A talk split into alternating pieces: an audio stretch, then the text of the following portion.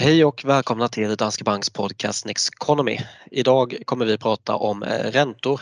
Det blir fokus för avsnittet men före det så har vi ju veckans Aktuellt som vanligt och eh, vad har vi då den här veckan? Det har varit lite stökigt på marknaden och eh, under måndagen då, eh, det vill säga den 20 september så hade vi en ganska rejäl sättning på världens börser. Vi har ju pratat lite om att vi tror att volatiliteten kan komma att öka under hösten och att risken för sättningar har ökat. Eh, om inte annat så därför att vi kommer från en väldigt lång period av stigande aktiekurser. Vi har förhållandevis höga värderingar och samtidigt då så börjar det bästa ligga bakom oss. Det vill säga tillväxten accelererar inte längre. Vinstökningarna i bolagen blir lite lägre framgent och dessutom så kommer stimulansen att eh, avta snarare än öka då. Sen eh, var det väl kanske mer frågan om vad som skulle utlösa det här och nu har det ju varit ett eh, kinesiskt fastighetsbolag som heter Evergrande som ehm, har stora skulder. Det här är ett fastighetsbolag som nu är på väg eh, mot en konkurs och frågan är då vad händer med fastigheter, skuldbördan, hur ser spridningseffekterna ut till underleverantörer, byggbolag och så förstås då banksystemet. Men man kan ändå konstatera att det här ser inte ut att vara något nytt Lehman Brothers. På kreditmarknaden är det lugnt, vilket är ett gott tecken. Och ur kinesiskt eh, perspektiv så är det här lite av en avvägning. Alltså man vill ju ha en sanering av osunt risktagande och att Evergrande har fått problem handlar ju om att man har eh, börjat reglera och strama åt så att man kan ju inte göra det för lätt under den här konkursen eh, och gå in och, och, göra den för mjuk så att säga. För då är ju risken att uppmuntra andra att fortsätta ta för hög risk.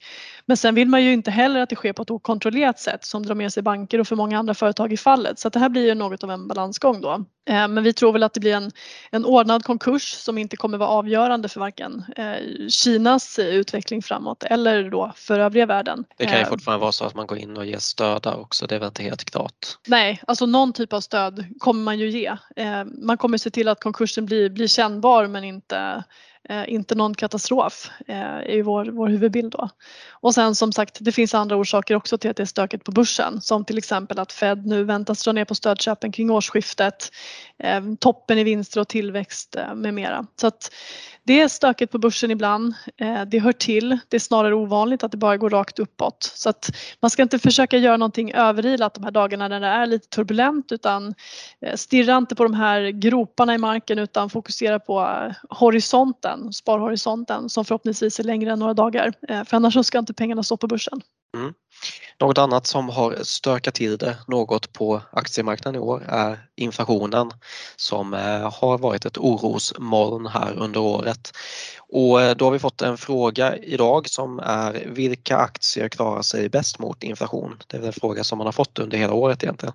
Mm. Men eh, det man skulle kunna säga om man ska gå uppifrån och ner så att säga så brukar man ju se det som att eh, tillväxtbolag går sämre än värdebolag för att kassaflöden långt fram i tiden blir värda mindre när inflationen stiger. Så därför är då värdebolag att föredra där man inte har samma förväntade tillväxt i framtiden som för tillväxtbolag.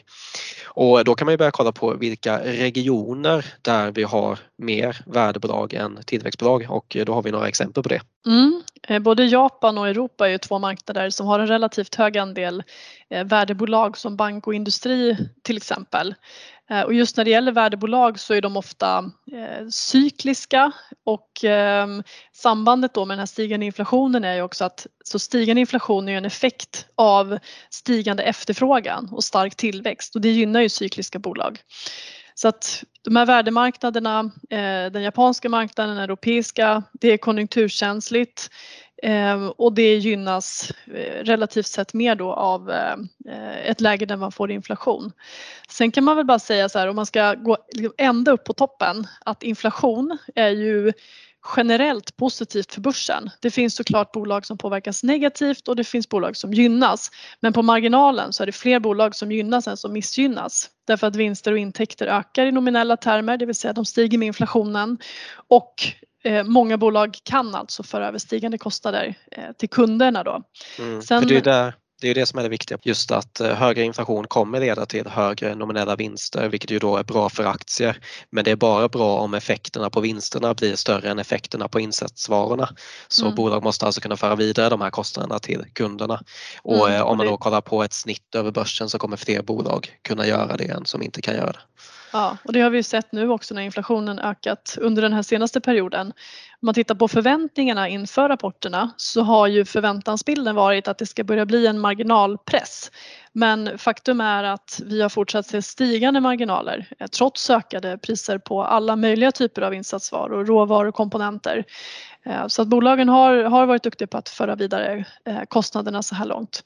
Mm. Och det läget där inflationen faktiskt blir negativ det är om den blir så pass hög att centralbankerna börjar se den då som eh, permanent. Man börjar försöka trycka ner den genom mer aggressiva räntehöjningar i syfte att få bort inflationen. Och då kan det påverka bolagen och börsen negativt både genom att efterfrågan minskar på grund av åtstramningen och samtidigt då stigande upplåningskostnader så att det blir en dubbel effekt. Och då är det negativt. Men som mm. sagt eh, i ett sånt här läge där inflationen stiger och centralbankerna eh, ser det som temporärt och inte höjer räntan av den anledningen så eh, är det snarare positivt. Och om Sen vi ska kolla det... på sektorer också som kan gynnas av stigande inflation så har vi energisektorn mm. som en vinnare för priserna stiger medan kostnaderna är mer eller mindre de samma vilket då gynnar energiaktier. Mm. Och samma sak för alltså, råvarubolag som eh, också har eh, mer de samma kostnaderna för att, att bryta råvaror och man har vissa tillgångar eh, i marken eller vad man har de här råvarorna och eh, när värdet på dem stiger så är det positivt då. Så energisektorn gäller, och material? Ja men energi och material. Och sen har vi värdet då på reala tillgångar också som, som fastigheter som faktiskt också gynnas. Eh, och tittar man på fastighetsbolagen då så kan man ju konstatera att det är positivt för dem att värdet på, eh, på fastigheter ökar samtidigt då som inflation gör att värdet på skulderna eh, urholkas. Sen har ju fastighetsbolagen intäkter i form av hyror och de är ju indexerade till inflationen så att de ökar automatiskt. Så att för fastighetsbolagen så sker ju den här överföringen till kunderna per automatik. Den är inskriven i, alla fall i Sverige. I alla fall i Sverige. Men um, oavsett så är man ganska bra på att föra vidare den typen av ökade kostnader då till kunderna just att man kan helt enkelt höja hyrorna mm. ganska enkelt. Mm.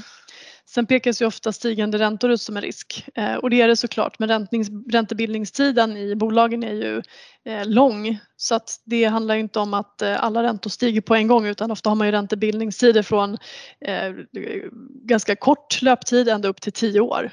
Så att det där jämnar ut sig över tiden och det tar tid innan stigande räntor slår igenom ordentligt på kostnadssidan kan man konstatera. Då. Så att för fastighetsbolag så behöver inflation inte heller vara något problem utan kanske mm. till och med tvärtom. Bra, ska vi säga något om banker också? Ja, eh, när det gäller banker så eh, finns det ju ett samband mellan stigande räntor och stigande realräntor eh, och bankernas intäkter via räntenetton. Så att banker är ju en sektor på börsen som faktiskt brukar gynnas av stigande, stigande räntor och också stigande ekonomisk aktivitet. Så att positivt med, med tillväxt, ökad efterfrågan och ett högre ränteläge. Och inflation. Och inflation. Bra, då går vi vidare och går in på dagens ämne som ju faktiskt är räntor då och eh, det har ju varit positivt att ha räntor i portföljen fram till idag kan man säga. För att räntorna ja. har sjunkit under lång tidsperiod vilket då har mm. gynnat obligationer i portföljen. När vi Men... inte trodde de kunde bli lägre så har de ändå fortsatt ner. Ja men exakt. Men eh, nu är vi någonstans i ett läge då där vi har haft de här 30-40 åren beroende på vilken marknad man kollar på med sjunkande räntor och då blir snarare frågan om kan de sjunka i 30-40 år till? Det är inte mm. så, så lätt att se framför sig då. Nej, det känns ju eh, kanske inte så troligt utan det, det är väl mer möjligt att vi har varit nere och, och touchat någon form av eh, räntebotten då. Avkastningen är ju långt ifrån Eh, fantastisk med dagens ränteläge när vi har centralbanker i västvärlden med nollräntor. Eh, på tillväxtmarknader så är ränteläget högre men där är å andra sidan risken högre också då. Men jag tror att man måste ändra hela sitt synsätt på Eh, vilken roll räntebärande fyller i portföljen. För det här är ju inte någonting som ger en stadig tickande riskfri ränta längre. Eh, men däremot så bevarar det fortfarande värde när det blir oroligt. Och eh, det är ett komplement till aktier som gör att man, man jämnar ut avkastningen, man får en bättre riskjusterad avkastning över tid. Och ehm, det gör också att man kan rebalansera, det vill säga man kan öka lite i aktier om börsen har gått ner och man kan plocka av lite från aktiesidan och flytta över till räntesidan om det har gått upp mycket. Så att man får mer se det som en, en värdebevarare och fortfarande någonting som, eh, som dämpar stötarna när det blir stökigt på börsen.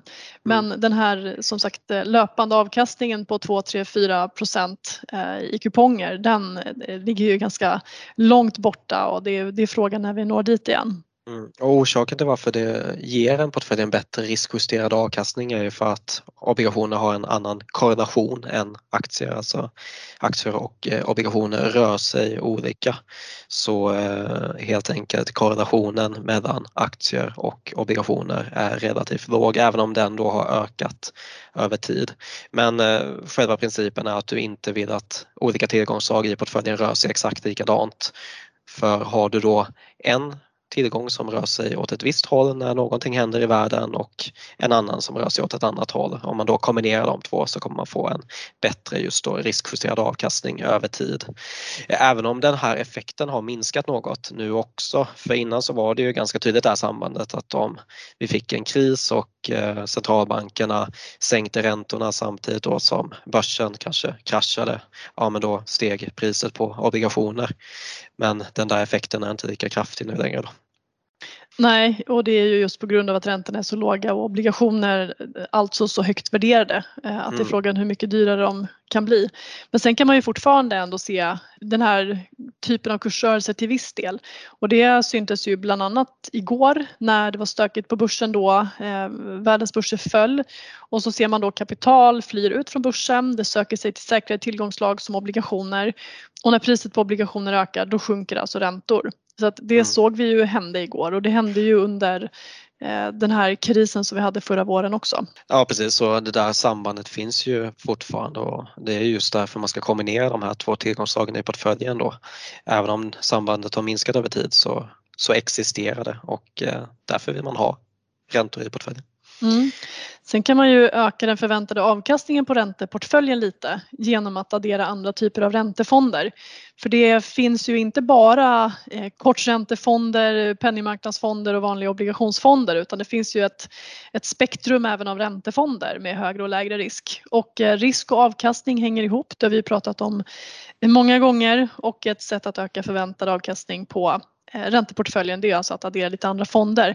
Även om eh, statsobligationsfonder, korta och långa, eh, ska utgöra basen så kan man plocka av lite på toppen och lägga in andra saker då. Man kan väl säga att en penningmarknadsfond eller en korträntefond, likviditetsfond, finns lite olika ord. De har ju en, en låg risk. Det här är korta räntepapper med löptider på under ett år vilket ger en, en låg risk. Det är mindre räntekänsligt om räntorna stiger också. Man kan ju också säga att det är något bättre inflationsskydd där också jämfört med att ha långa obligationer för om inflationen stiger och centralbanken höjer räntan så kommer de korta räntefonderna hänga med medan de långa räntefonderna då tappar avkastning. Mm. Och det där handlar ju om att i en obligationsfond då med, med långa räntor som har eh, längre löptider, alltså längre duration, så påverkas de mer av eh, hur räntan rör sig. Så att stigande räntor får en mer negativ eh, effekt när räntan rör sig. Sen ska man också säga att på lite sikt då, om räntan går upp till en högre nivå och ligger stilla där, då kommer ju även en obligationsfond gradvis att kunna ge en högre löpande avkastning. Och får man sen försämrade eh, utsikter för tillväxten av någon anledning igen och räntorna sjunker så kommer du få en större positiv effekt på den här obligationsfonden. Så att de rör sig ju mer eh, och eh, räntekänsligare som sagt när det stiger men också högre positiv avkastning när räntorna sjunker. Då. Och eh, du var inne på det, ofta så gör man ju så att för att addera avkastning så eh, adderar man också krediter som ju kanske är nästa steg att ta då från mm. långa räntefonder. Mm. Och då finns det ju olika sorters kreditfonder men eh, ett, eh, ett vanligt namn är företagsobligationsfonder och de brukar kategoriseras i två segment. Dels har vi investment grade som är företagsobligationer med hög kreditvärdighet och relativt låg risk då, eh, stabilare bolag, mer obligationslik eh, men kan ju också ta stryk om konjunkturen viker och, och osäkerheten ökar. Sen har vi high yield som är företagsobligationsfonder med låga kreditbetyg och högre risk. Och de löper ju större risk då att falla i värde om konjunkturutsikterna försämras eh, därför att det medför en större risk för ett bolag med svag eh, kreditvärdighet och det kan leda till större kursrörelse då. Så mm, att om... high yield-fonden är ju mer börslik än andra Exakt. räntefonder. Precis, jag tänkte säga det att om man ska göra en skillnad på just investment grade och high yield så kan man säga att high yield det har högre risk och ger högre avkastning men då är också korrelationen med börsen eh, ganska hög. Mm. Medan då IG har ju en högre löpande då räntenivå eh, än statsobligationer och till en ganska låg risk och fortfarande med då ganska förhållandevis låg korrelation med börsen. Så det blir mm. lite olika egenskaper man får in i portföljen genom att välja de olika. Mm. Man kan bara nämna helt kort också att det finns ju tillväxtmarknadsobligationer också eh, som då är statsobligationer huvudsakligen men också en del företagsobligationer utgivna av stater och bolag på tillväxtmarknadsländer. Eh, de här har ju också ett högre mm, ränteläge eh, därför att ränteläget är högre på tillväxtmarknads, tillväxtmarknader generellt och sen är ju risken också högre då. Så att där har man också större, större kurssvängningar.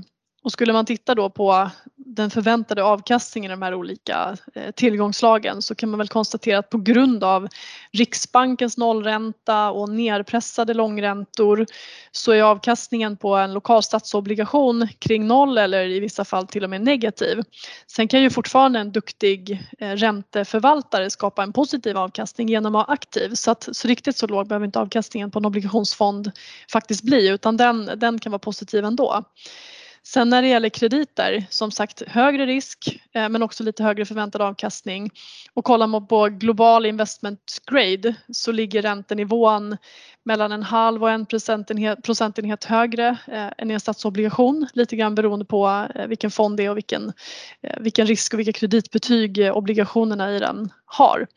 Så lite högre löpande avkastning till ändå en relativt hög säkerhet skulle jag vilja säga. Så att investment grade har ju vi en, en övervikt i, i våra strategier.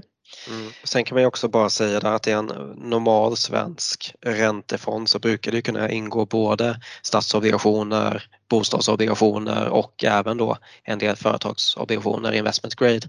Mm. Så man får ju lite av varje. Eh, så om man då bara vill ha statsobligationer så får man ju nästan veta lite extra då för att ha den typen av räntefond med, med lägre risk. Mm, ja men det får man göra och det där är också såklart ett sätt att höja den förväntade avkastningen i en miljö där räntorna på statspapper är extremt låg. Mm. Och det blir också lite enklare att vara aktiv som ränteförvaltare också när man har flera olika typer av, av ja, när man har både då, man kan jobba med långa och korta räntor, man kan jobba med krediter och sådär. Så det är ett sätt att skapa avkastning också.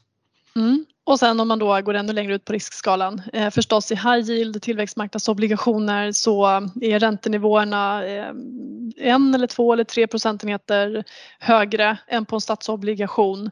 Men det kan svänga betydligt mer än andra och det här är ju inte på något sätt att likställa med en kassaplacering om det blir stökigt på marknaden.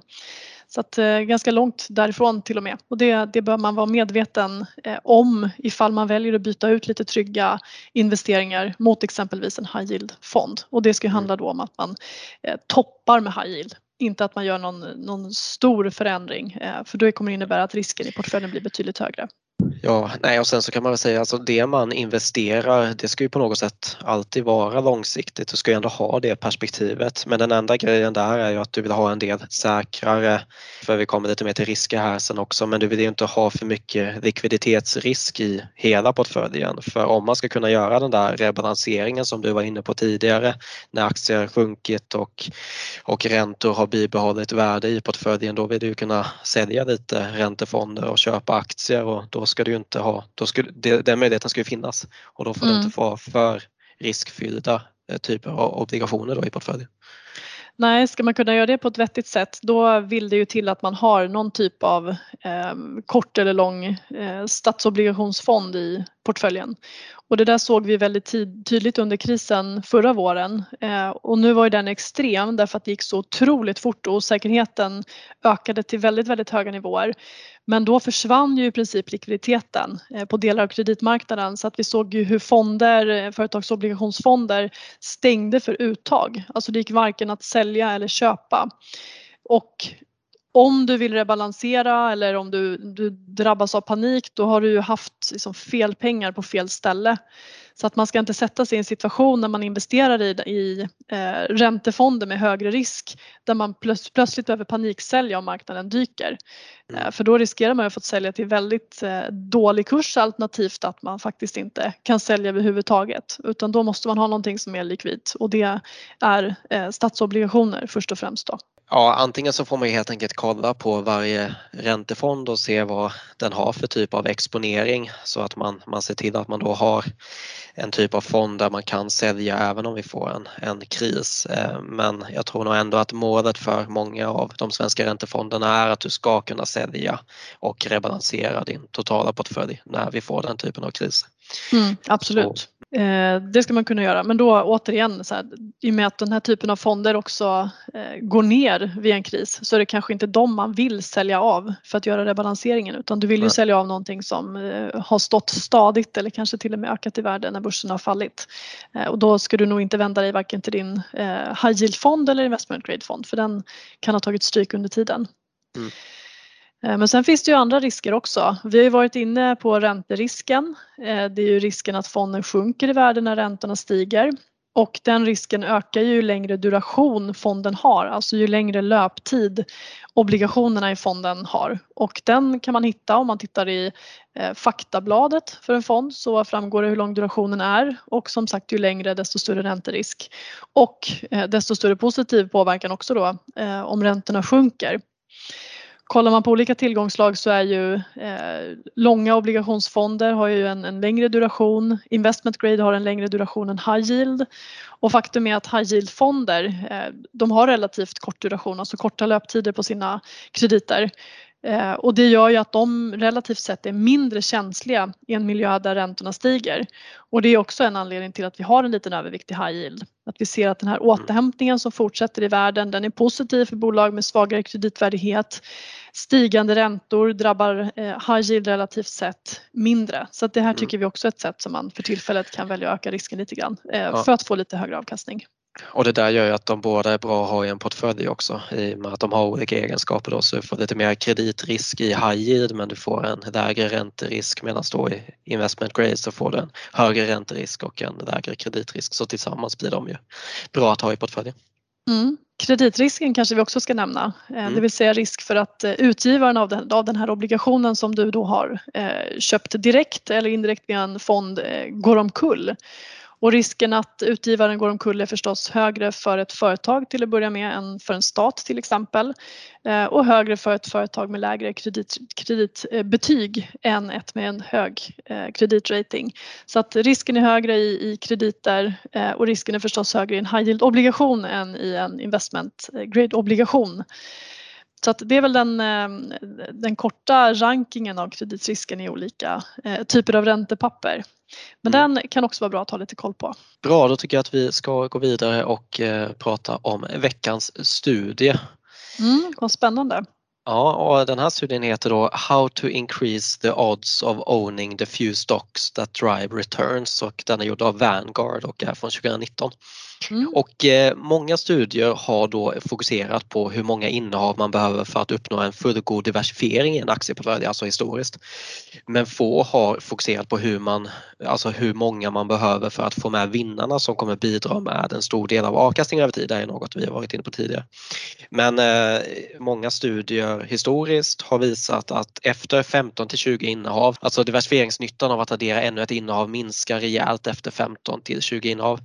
Eh, men den här studien fokuserar då istället på den avkastning som man går miste om genom att inte äga många innehav. Och intuitivt kan man ju tänka sig att ett mindre antal innehav ökar chansen att överavkasta index men enligt den här studien så är det inte så. För fler bolag ökar chansen att överavkasta jämfört med att äga färre innehav. Och orsaken till det är att även om du är bra på att hitta vinnaraktier så kommer du inte ha rätt 100% av tiden. De tar ett exempel att om du har rätt 53% av tiden och väljer 500 aktier från Russell 3000 så finns det 90% chans att majoriteten kommer överavkasta. Men om du bara väljer 10 aktier måste du ha rätt 73% av tiden för att du ska komma upp i 90% chans att majoriteten överavkastar. Och eh, de menar alltså då att fler bolag i portföljen kommer bidra till möjligheten att överavkasta eftersom sannolikheten är högre att man får med de där fåtal vinnaraktier som står för majoriteten av avkastning över tid. Så är du en bra stockpicker ska du låta din höga sannolikhet att hitta vinnaraktier jobba över fler bolag. Det hade varit det det bästa då. Och eh, så i studien tittar man också på dels då hur mycket man i snitt förlorar på att ha en koncentrerad portfölj och dels på sannolikheten för en förvaltare att identifiera vinnaraktier. Och så kollar man på data över Russell 3000 mellan 87 och 2017 och på portföljer från ett innehav till 500 innehav och kommer fram då till att en genomsnittsportfölj med bara 30 aktier som exempel i genomsnitt kommer underavkasta index med 0,4% per år. Så om man ska ha en portfölj med bara 30 aktier måste man först ta sig över 0,4% som är den här koncentrationsavgiften som man kallar det och sen så ska man också ta sig över förvaltningsavgiften för fonden. Så enligt den här studien, det som är intressant är att den gamla sanningen att det gäller att ha en koncentrerad portfölj om man vill överträffa eh, index, den är alltså felaktig om man ska tro på den här studien. Man ökar chansen om man ökar antalet innehav och eh, jag tycker det är ganska intressant. Det är ju superintressant både att man då ökar chansen för överavkastning och att man på köpet då eh, får den här diversifieringen i portföljen som ska mm. jämna ut svängningar över tid. Ja, Så att en, en dubbel positiv effekt med andra ord. Mm. Bra, då var det veckans studie. Då ska vi börja avrunda för idag. Ni får som vanligt ställa frågor i frågeformuläret gärna som vi tar upp här i podden varannan vecka när podden släpps. Mm. Och ja. Eh, komma med förslag på nya ämnen och så får ni gärna följa oss på Twitter och gå in på nexteconomy.se. Som alltså är Danske Banks nyhetssajt där vi både publicerar bloggar och marknadskommentarer, filmer kring börs och ekonomi Eh, med mera. Så att nexteconomy.se, eh, besök den. Mm. Nästa avsnitt kommer om två veckor. Vi hörs då. Tack för att ni har lyssnat. Tack och ha en fin vecka.